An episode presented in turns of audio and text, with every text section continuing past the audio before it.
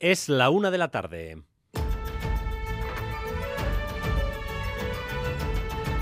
Crónica de Euskadi con Dani Álvarez. A Rachaldeón, el gobierno vasco pone fecha final a las obras para la entrada del tren de alta velocidad en Bilbao.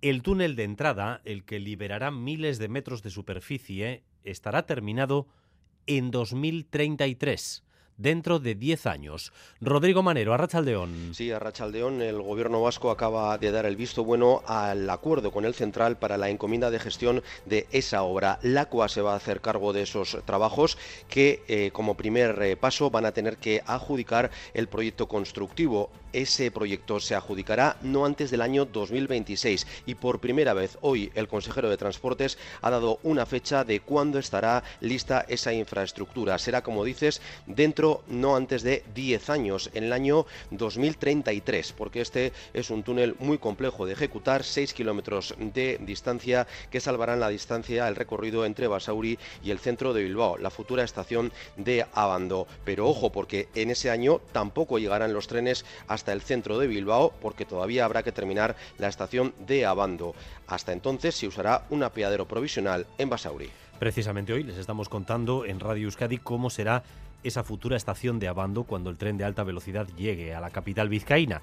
El tren rápido en la planta menos 2, en la menos 1 los de cercanías. El diseño permitirá luz natural prácticamente en toda la estación, según nos ha explicado el director de sistemas ferroviarios de IDOM, Iván Mirones. Exteriormente seguirá teniendo protagonismo todos los edificios patrimoniales que están en el entorno, pues Abando y su marquesina, el edificio de la Concordia y de manera que se integren dentro del ámbito. Interiormente lo que caracterizará a la estación será sobre todo la iluminación natural, a pesar de que la estación va soterrada, pues intentará que tenga iluminación natural.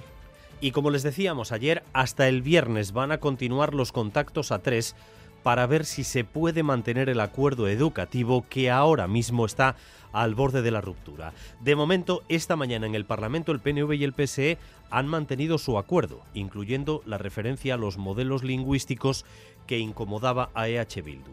EH Bildu, de hecho, eleva el tono por un tema que no había planteado hasta ahora, la financiación de los concertados. Ahí no hay iglesia. Sí, en este momento la enmienda del PNV PSE que incluye los modelos lingüísticos se incluirá en el texto, en la ley, por lo que EH Bildu votará no. Eso a día de hoy, a no ser que de aquí al viernes, como decías, PNV y PSE aclaren dos cosas. Esa es la petición de Euskal Herria Bildu. Por un lado, que aclaren qué va a pasar con los modelos lingüísticos y por otro, si se va a aumentar la financiación a los centros privados sin pedir requisitos a estos centros. Este es un asunto en el que Euskal Herria Bildu no había puesto el foco hasta ahora. Por lo tanto, su voto será negativo a no ser que de aquí al viernes eh, PNV y PSE, los socios de gobierno, aclaren estos dos asuntos. Y en Madrid, toma de posesión de los nuevos ministros y ministras, Unidas Podemos no pierde oportunidad de seguir con el pataleo. Así se ha despedido Irene Montero. Querida ministra Belarra, hoy Pedro Sánchez nos echa de este gobierno. Es precisamente por haber hecho lo que dijimos que haríamos poner las instituciones al servicio del avance en derechos feministas.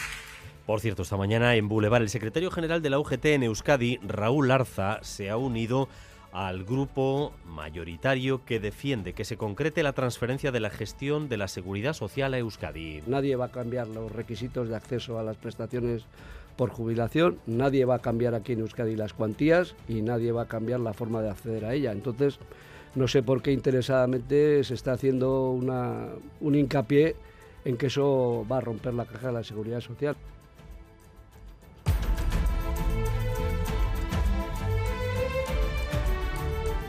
En el juicio por la muerte de Santi Coca, hoy han declarado más testigos y también la propia madre de Santi, que hoy cumpliría 22 años. Un niño para mí ejemplar también, ¿no? Con sus valores y era presumido, le gustaba vestir bien y muy respetuoso. Un chaval muy alegre, súper cariñoso, muy muy familiar.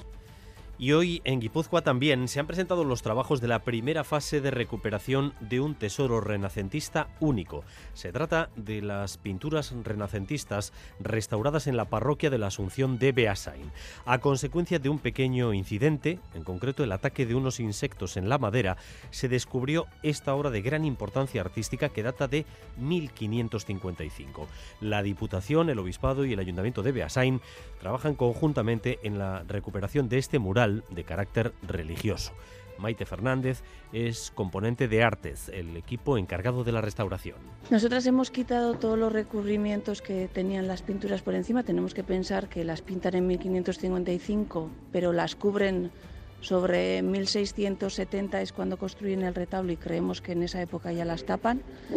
Entonces tenemos 400 años de diferentes capas de policromía que las han cubierto. Vamos también con lo más destacado del deporte con César Pérez de Gazola. Zarracha Aldeón César. Arracha Don Dani, dos días después de la final del 4 y medio que se llevó al Tuna, hoy se ha presentado el Parejas de Pelota, un torneo que arranca ya este viernes en Azcoitia y que el año pasado se llevaron la Chapela Seitor Lordi y Zabaleta, el campeonato más largo, cuatro meses de partidos, desde noviembre hasta el último día de marzo. La final será en el Navarra Arena en Iruña. Una Ilaso, finalista de los últimos dos años eh, con Ander Imaz, va a jugar con Aranguren. No le ha gustado nada eh, la configuración de este campeonato a Ilaso y Altuna, ganador hace dos ediciones con Julio Martija, repite con el zaguero Navarro. Van a comenzar tanto Alaso como Altuna su participación un poco más tarde debido a las lesiones que sufren. Su recambio serán hasta que se recuperen y estén preparados Daniel Ezcano, el de Altuna, y la Razabal, y el de Uneilas. Lluvia, viento y ambiente fresco hoy, chubascos generalizados durante toda la jornada y la cota de nieve que podría bajar a los 1500 metros. Descienden las temperaturas, las máximas hoy no van a alcanzar ni los 15 grados. Hay 13 ahora mismo en Bilbao y en Bayona, 14 en Donostia, 9 grados en Gasteiz y 9 también en Iruña. Y en el tráfico, ahora mismo precaución en Armiñón, sentido Burgos, en la A1, porque un coche se ha salido de la calzada y en el accidente el conductor ha resultado herido leve, así que un carril permanece cortado en ese punto A1 Armiñón, sentido Burgos. Gracias un día más por elegir Radio Euskadi y Radio Vitoria para informarse. Raúl González y José Ignacio Revuelta se encargan de la dirección técnica, María Cereceda de la coordinación. Crónica de Euskadi con Dani Álvarez.